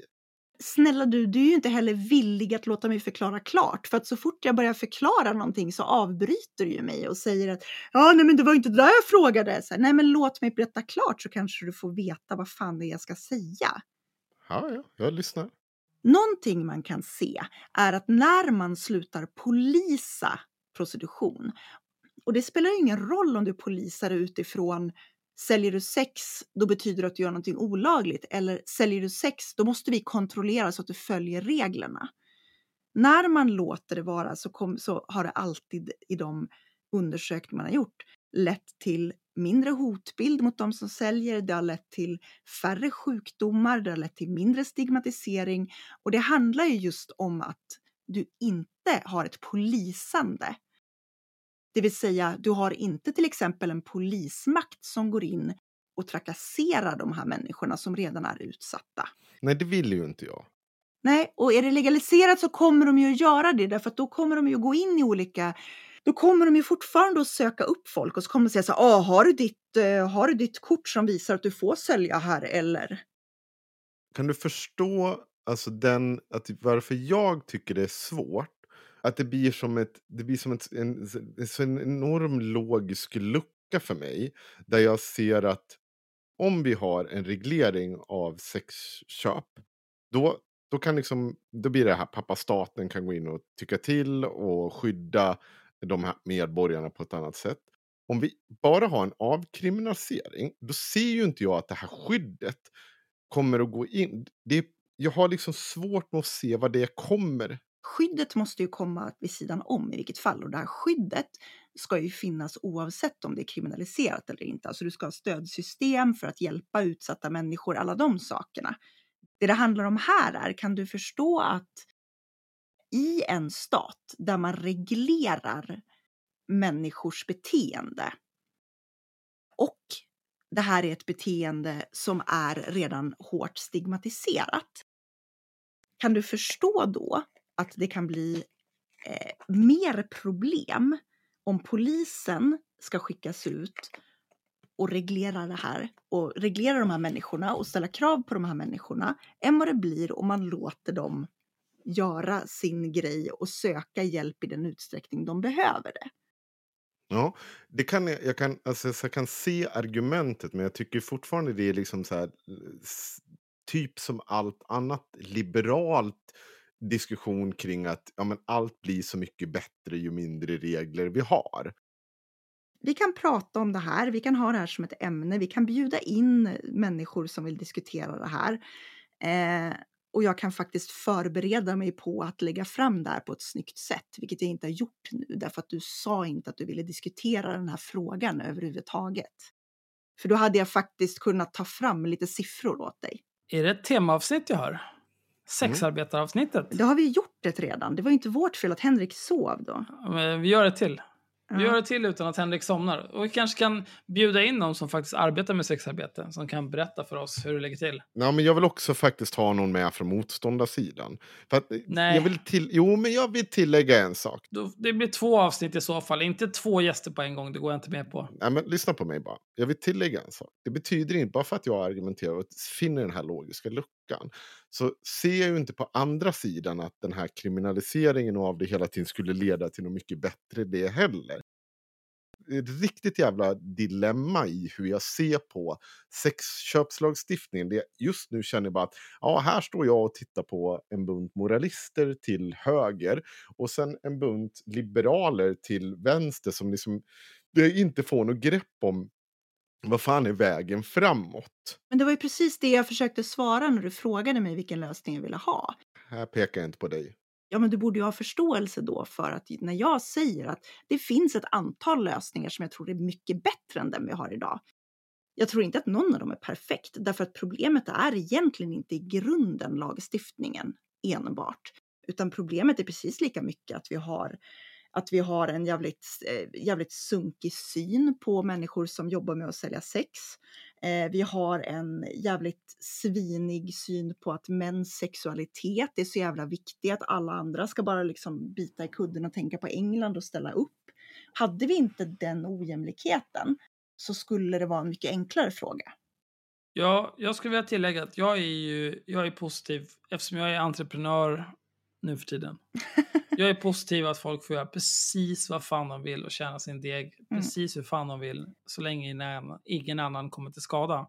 Men när vi lever i en värld där folk lider av eh, missbruksproblematik, trafficking finns, socioekonomiska faktorer och så vidare och så vidare. Då är det svårt att säga så här, nej men jag är, jag är för mm. eh, sexarbete. Det, det ska vara helt, inga konstigheter. Precis. Ingen ska behöva sälja sex för att de behöver pengar. Men då kan man samtidigt känna så här, men ingen ska behöva arbeta för att de behöver pengar. Kan jag känna. Mm. Men man får ju inte säga att eh, sexarbete är precis som vilket annat arbete som helst i det här landet utan att bli attackerad av olika typer av sexarbetar horhatare. Mm. Men jag säger ändå, jag tycker inte att någon borde arbeta. Nej. Varför? Automatisera allting. Det är också en väg ut för att dominera vårt universum största invändningen jag har mot, mot Tysklands modell, Henrik, och legalisering, det är att den i praktiken skapar, eftersom du har den här byråkratin, som är jävligt petig och den är väldigt luddig och den är olika på olika ställen i Tyskland och så vidare. Så innebär det här också att du skapar en marknad som är den legala marknaden och du skapar en annan svart marknad som är traffickade kvinnor eller alltså migrantsexarbetare och så vidare som inte, precis som vi har med jävla gigekonomin i Sverige, eh, där du har människor som inte kan hävda sin rätt och inte vet vilken rätt de har, eh, eller som inte ens har rätt till något stöd av samhället därför att de är inte medborgare i landet. Och de människorna blir då en del av den svarta marknaden på ett sätt som är jävligt onödigt. Ja, men det är precis det jag menar. Alltså, så länge vi har trafficking och all den där skiten, Mm. Då går det inte att säga så här, nej men jag tycker vi ska införa de här, eh, legalisera allt, eller Nej. avkriminalisera allt, vi kör bara.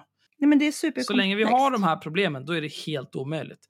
Men däremot så kan man argumentera för det här på ett principiellt plan. Mm. Att var och en är, är fri att göra precis vad de vill med sina egna kroppar. Fucking do it, vem bryr sig? Det har ingen annan med att göra. Men förslaget här är ju att vi ska avkriminalisera, så då händer det ju någonting. Och jag menar på att förslaget är en avkriminalisering. Du, det var väl ett av dina förslag till? Var inte det ett av dina förslag? Det var ett av mina förslag, ja. Okej. Ja, men om du inte... Vi måste ju kunna prata utifrån att du tar ställning för något av de här förslagen. Alltså, Varför då? annars blir... Nej, okej. För att annars är det ju poänglöst, för då har du ju... du- Okej, då säger jag att någon annan... Då argumenterar jag... Men Henrik, man, ing, man måste inte diskutera från att du tycker det här, jag tycker det här. Vi kan diskutera kring de saker som existerar, de alternativ som finns. Då tänker jag säga en annan sak. Argumentet, mm, till exempel att det finns, om vi reglerar en marknad, att det då i så fall uppstår en svart marknad. Men det kan du använda på vilket jobb som helst. Jag har en medlem nu, det är en person som städar. Han är på en vit marknad, men arbetsgivaren Mm. använder hotet om utvisning som ett, Ja. pressa, alltså ett, ett pressat system. Då kan man ju säga så att om vi bara avreglerar det här så kommer inte det här hända. Det där ska ju då falla under till exempel en eh, kopplerilagstiftning där du kan dömas för att du utnyttjar människor som säljer sex för att tjäna pengar Ja, på men det, då kan man väl inte använda argumentet att äh, äh, legalisering leder till en annan typ av marknad. För det blir ju liksom...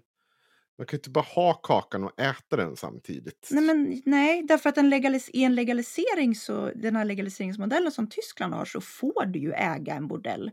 Jag Mm. skulle ju kunna äga en bordell och anställa 50 miljarder eh, polska Prostituerade. prostituerade som inte hade någon aning om sina rättigheter.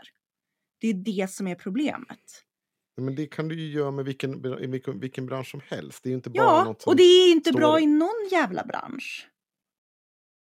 Men är inte det största problemet här, alltså det, det finns ju så många lager i det här. Dels, eh, vi har ett arv av eh, abrahamitiska religioner som säger att eh, en säger att man ligger bara för att skaffa barn. Eh, en annan säger att det här är, det här är någonting man gör och det, det är till Guds ära och så vidare. Liksom, det finns ju fler aspekter än att hur ska vi lagstifta kring det här? Det handlar ju också om samhällets normer kring sexualitet och kring att ligga överhuvudtaget. Ja, nej, men sen är också skillnaden mellan Henriks städare och en person som säljer sex är ju också att städare blir inte trakasserade av polis när de gör sitt jobb. Det där kan absolut, det finns eh, massa olika exempel på hur migrantarbetare blir trakasserade av polis Mm. för att de är särskilt utsatta och inte kan sina rättigheter. Jo, Men fast det de blir ju betyder inte inte att vi ska uppsökta av polis för att polisas. Jo!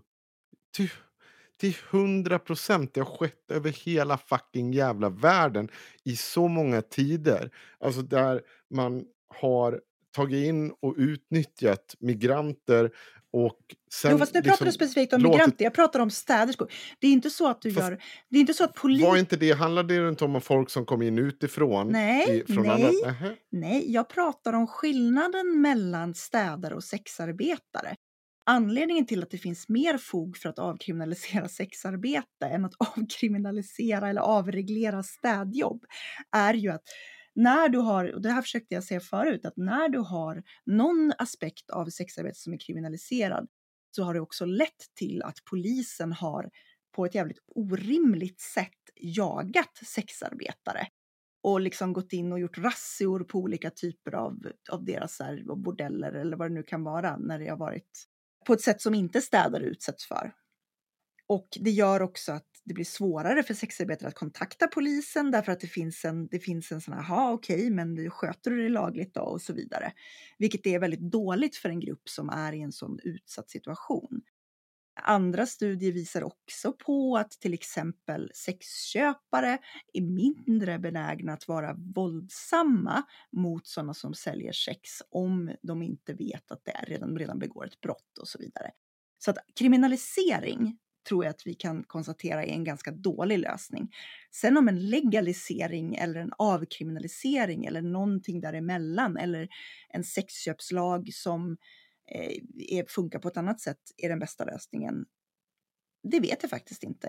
Det vet fåglarna. Alltså jag, tror att, jag tror att vi måste lösa så att vi har ett samhälle där människor inte tvingas göra saker de inte vill göra för pengar. Och då kommer inte det här vara ett problem längre. Oh, jag, jag vill aldrig mer jobba. Men ska vi... vi jag kan, ska vi sy kan... ihop det här nu? Men, du hade väl något mer? Du skulle ju komma till att Merly hade svarat dig. Men jag har, inte... har vi suttit en halvtimme och väntat på det?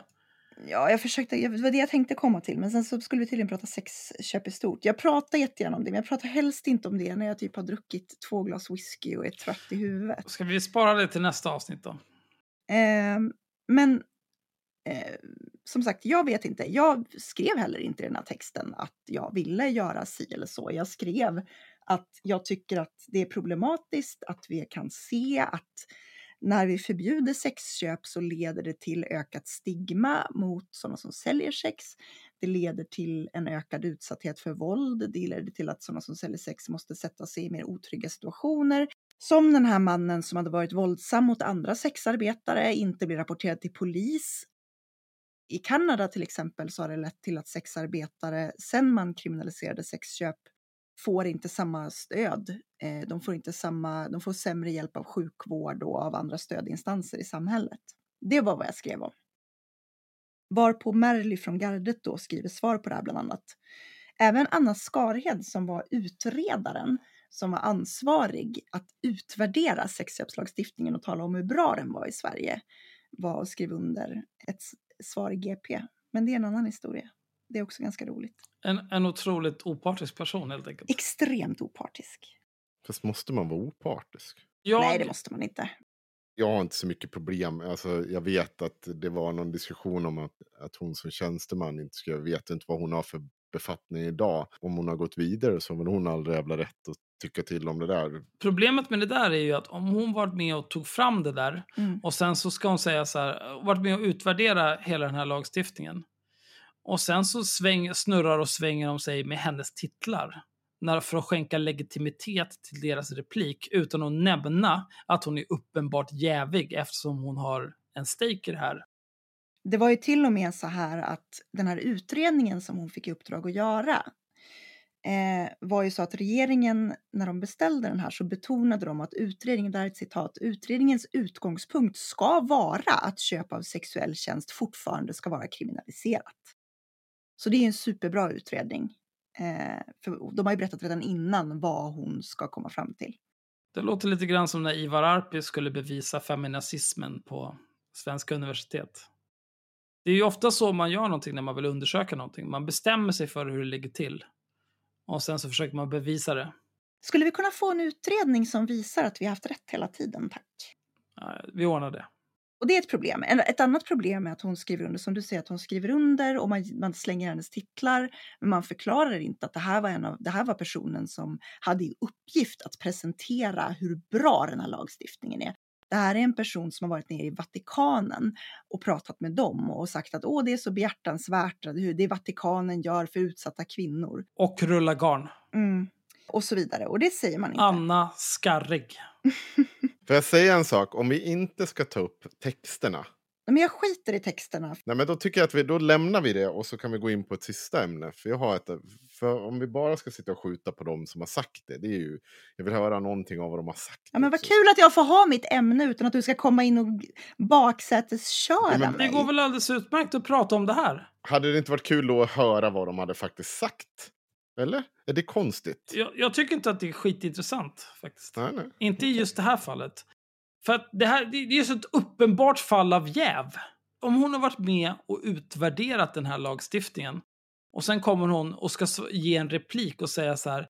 Nej, men den här lagstiftningen som jag redan har gett tummen upp, den är okej. Okay. Men fan bryr sig om vad hon då faktiskt skrev? Det som är intressant är att hon är en klandervärd person som snurrar och svänger med sina titlar trots att hon är uppenbart jävig. Det är fakt. Så här står det för övrigt i utvärderingen av sexköpslagen, den här utvärderingen som Anna Skard ligger bakom. När det gäller de personer som fortfarande utnyttjas i prostitution måste ovan nämnda negativa effekter av förbudet som de beskriver, alltså till exempel stigmatiseringen av dem, att de utsätts för, alltså att de upplever att de blir trakasserade och så vidare. Då måste de negativa effekter av förbudet som de beskriver närmast betraktas som positiva sett utifrån perspektivet att syftet med lagen är att bekämpa prostitution. Så det man säger är att man skiter egentligen i att sådana som säljer sex säger att de far illa. Det är egentligen bra, för att det betyder ju att då kommer de ju inte vilja sälja sex och målet är ju att bekämpa att de säljer sex. Var det inte stigmatisering? Ja. De sa. Ja. Nej, de negativa effekterna. De tycker att stigmatiseringen är bra. De tycker att stigmatiseringen är bra? Ja. Eller? Ja, de negativa effekterna som de här människorna rapporterar om, alltså till exempel stigmatisering eller ökad utsatthet för våld och så. Det är bra därför att det kommer att skrämma bort horor från att vara horor och syftet är att minska prostitutionen. Så det är en positiv effekt. Det är vad hon säger. Att folk blir utsatta för våld, är det verkligen en grej som hon säger att det är bra? Jag måste bara... Ja. Ja, men vad, är, vad menar hon med de negativa effekterna? En av där? de negativa effekterna är väl att de blir utsatta för våld, är det inte? Jo.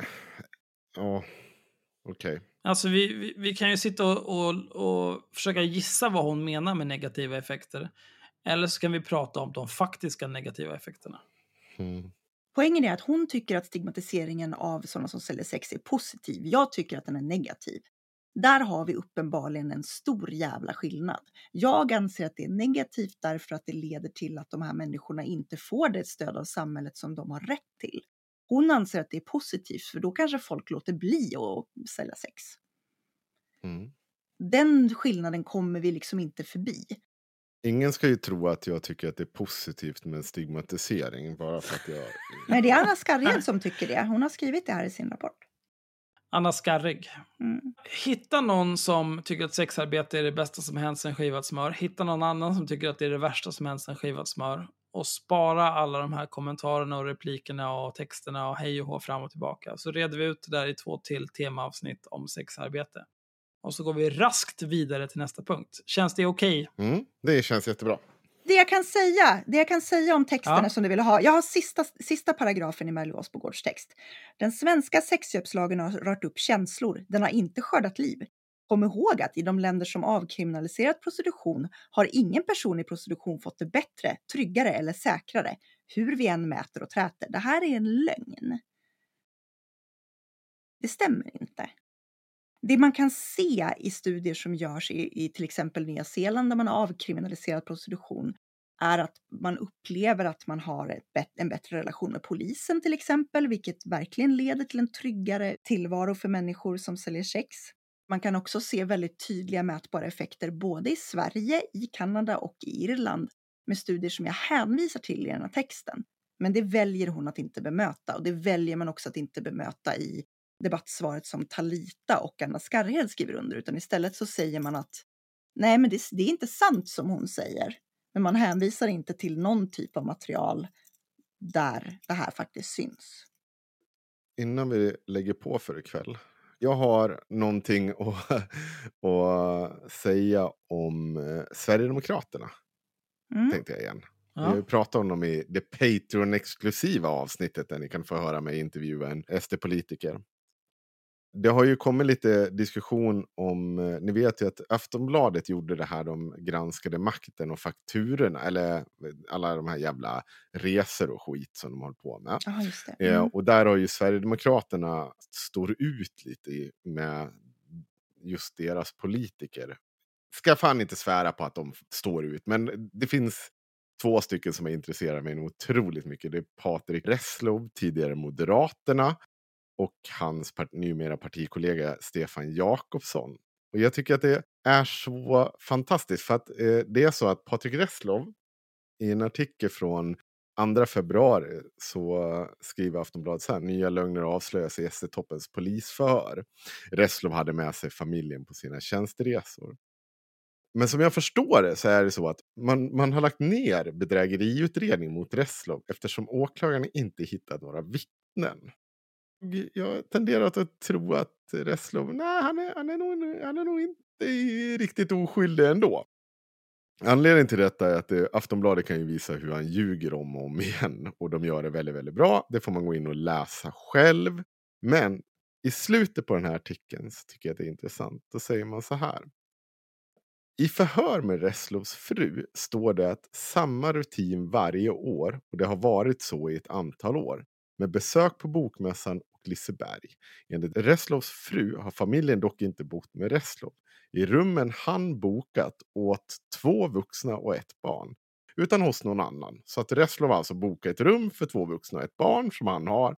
Men det är inte de som har bott där, utan de har bott hos någon annan. Men vem personerna är, eller vem den personen är, vill Res Reslows fru inte namnge i förhör. Sammanlagt har Reslow bokat boenden i Göteborg och två vuxna och ett barn vid sex tillfällen. Samtliga tillfällen har sammanfallit med Reslows fru tagit semester eller heldagar. Sammanlagt har 22 av Reslows tjänsteresor sammanfallit med hans fru tagit ledigt under heldagar. I 14 av dessa fall har hotellpersonalen och uthyrare uppgett att bokningen handlat om två vuxna och ett barn. Det är märkligt. Det är märkligt hur det där kan bli eh, på det där sättet. Så här säger han. Han åkte till Åkessons fest. Reslow betalade i samband med Aftonbladets avslöjande tillbaka delar av ersättningen han har fått i samband med två tjänsteresor. Det ena gick till Jimmy Åkessons sommarfest i juli där gästerna var utklädda till djur. I polisförhör uppger Reslow att det var fel av honom att återbetala pengarna och att han hade tre möten i samband med festen.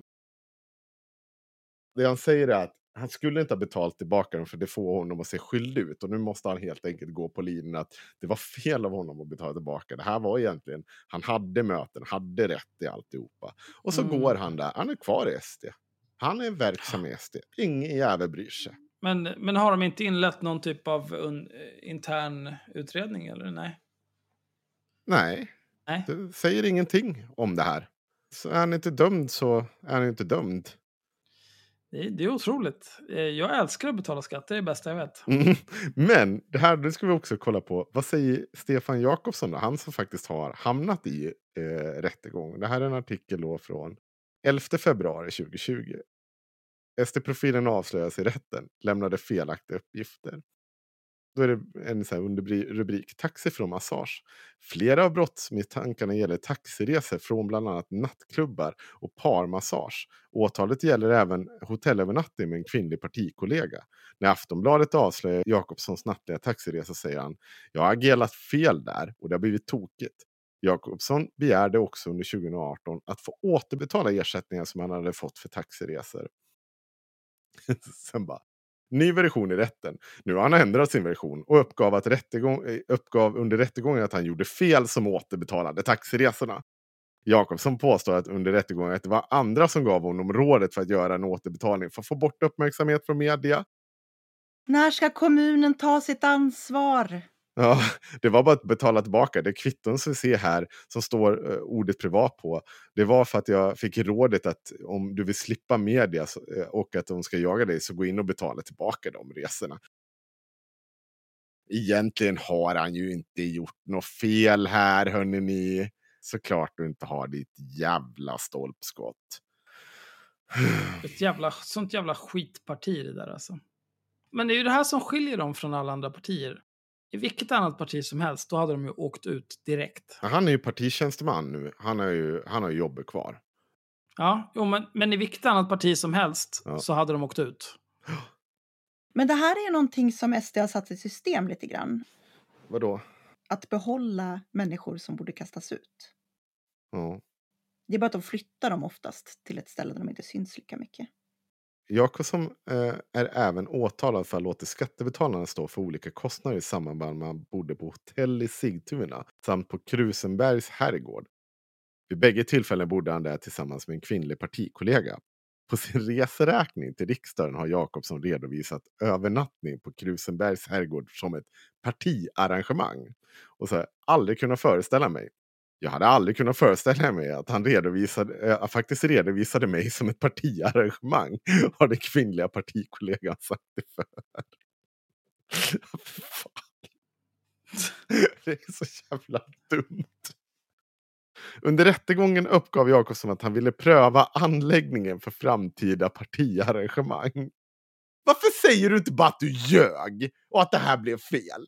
Är inte på något sätt bättre att du ska åka runt och bo på hotell, liksom leva life, för att du ska testa det åt för skattebetalarnas pengar? Nej, sluta! Den två tillfällen när jag var på Krusenberg och Sigtuna så var jag helt enkelt och tittade på de här anläggningarna för att se om de var lämpliga.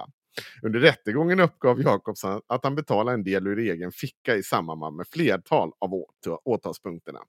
Jag vet inte hur man ska uttrycka sig för att det inte ska låta fullständigt fel. Men man måste smörja kråset ibland för att det ska hända någonting. Att vi ska kunna gå vidare i en etablering. Jag kan förstå att de skickar någon och scoutar liksom. Ja, men hur ser den här konferensanläggningarna ut eh, mm. och så vidare. Finns det liksom finns det öppna utrymmen där vi kan ha in informella möten och så vidare. All sån där skit. Men så här, man måste smörja kråset ibland. Det betyder ju bara att du åker dit, häller champagne och gåslever rätt upp i arslet på dig själv.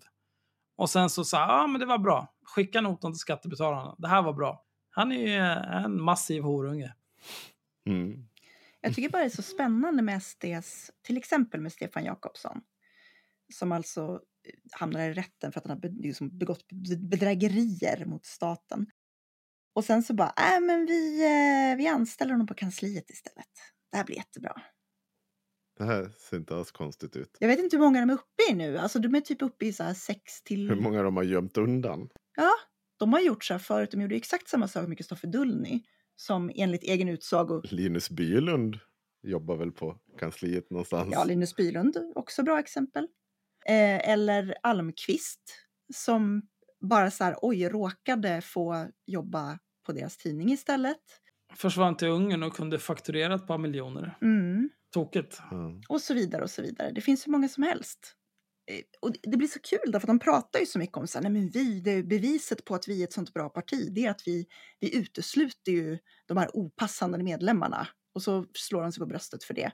Men de gör ju inte det. De flyttar dem ju bara där de inte syns längre. Massiva horungar. Mm. Mm. Säg det du också Henrik, jag vet att du vill.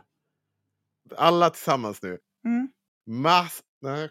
Ett, Mass två, två tre. tre. Massiva horungar. Alltså herregud. är det här? Ett, ett, två, tre. Massiva. Alltså vad är det för jävla... Men vad är det för jävla takt du har då? Det är som, är du förståndshandikappad trummis? Det är ju fördröjning. Nej men gör det du då, gör det du då om du är så jävla duktig. Ja, tre, två, ett. Massiva, Massiva horungar. nu lägger vi ner för idag. Tack. Nu skiter vi här. Nu skiter vi det här.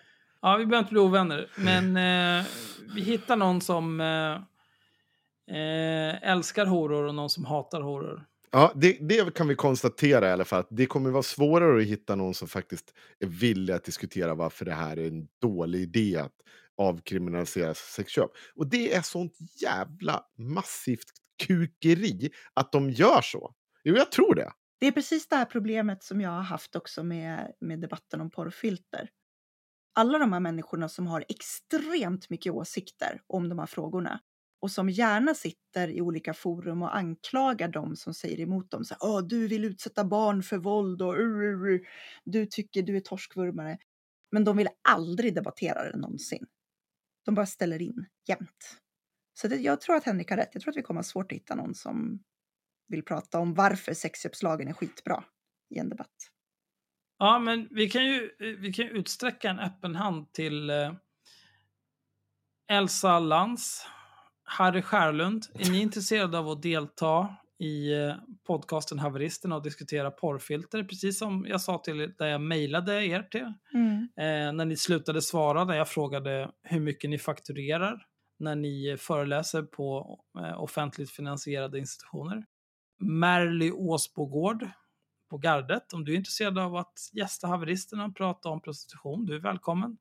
Alla andra horungar som eh, har åsikter om saker som vi har åsikter om, om ni tycker annorlunda, ni är välkomna att gästa haveristerna. Sitt inte och vässa på avstånd. Kom hit, så reder vi ut det på en gång. Jag lovar att jag kommer alltid vara den trevliga moderatorn och se till så att vår gäst får det sista ordet. Jag tänker inte ens prata, jag lovar. Om du tänker du komma hit och vara kromosomskadad två timmar i sträck, då kommer jag få hjärnblödning och då kommer du fan få veta att du lever. Och med detta tackar vi för idag. Jag ska gå ner till uh, Zinkens grill och köpa en hamburgare, för det har jag fan förtjänat efter den här vedervärdiga veckan. Mm. Mm. Det är bra, det är ett bra ställe. Vi, ser på, vi ses på Discord om ungefär 45 minuter när du äter upp din hamburgare. Axel. Du, du, du är inte min farsa, du berättar inte för mig vad jag ska göra. Nej. Tack för den här tiden, kära lyssnare. Vi hörs i nästa avsnitt. Glöm inte att bli patrons. Please like, favorite, comment and subscribe och så vidare. Mm. Puss och kram, ha det bra. Sig heil. Glada alla hjärtans dag. Slå av.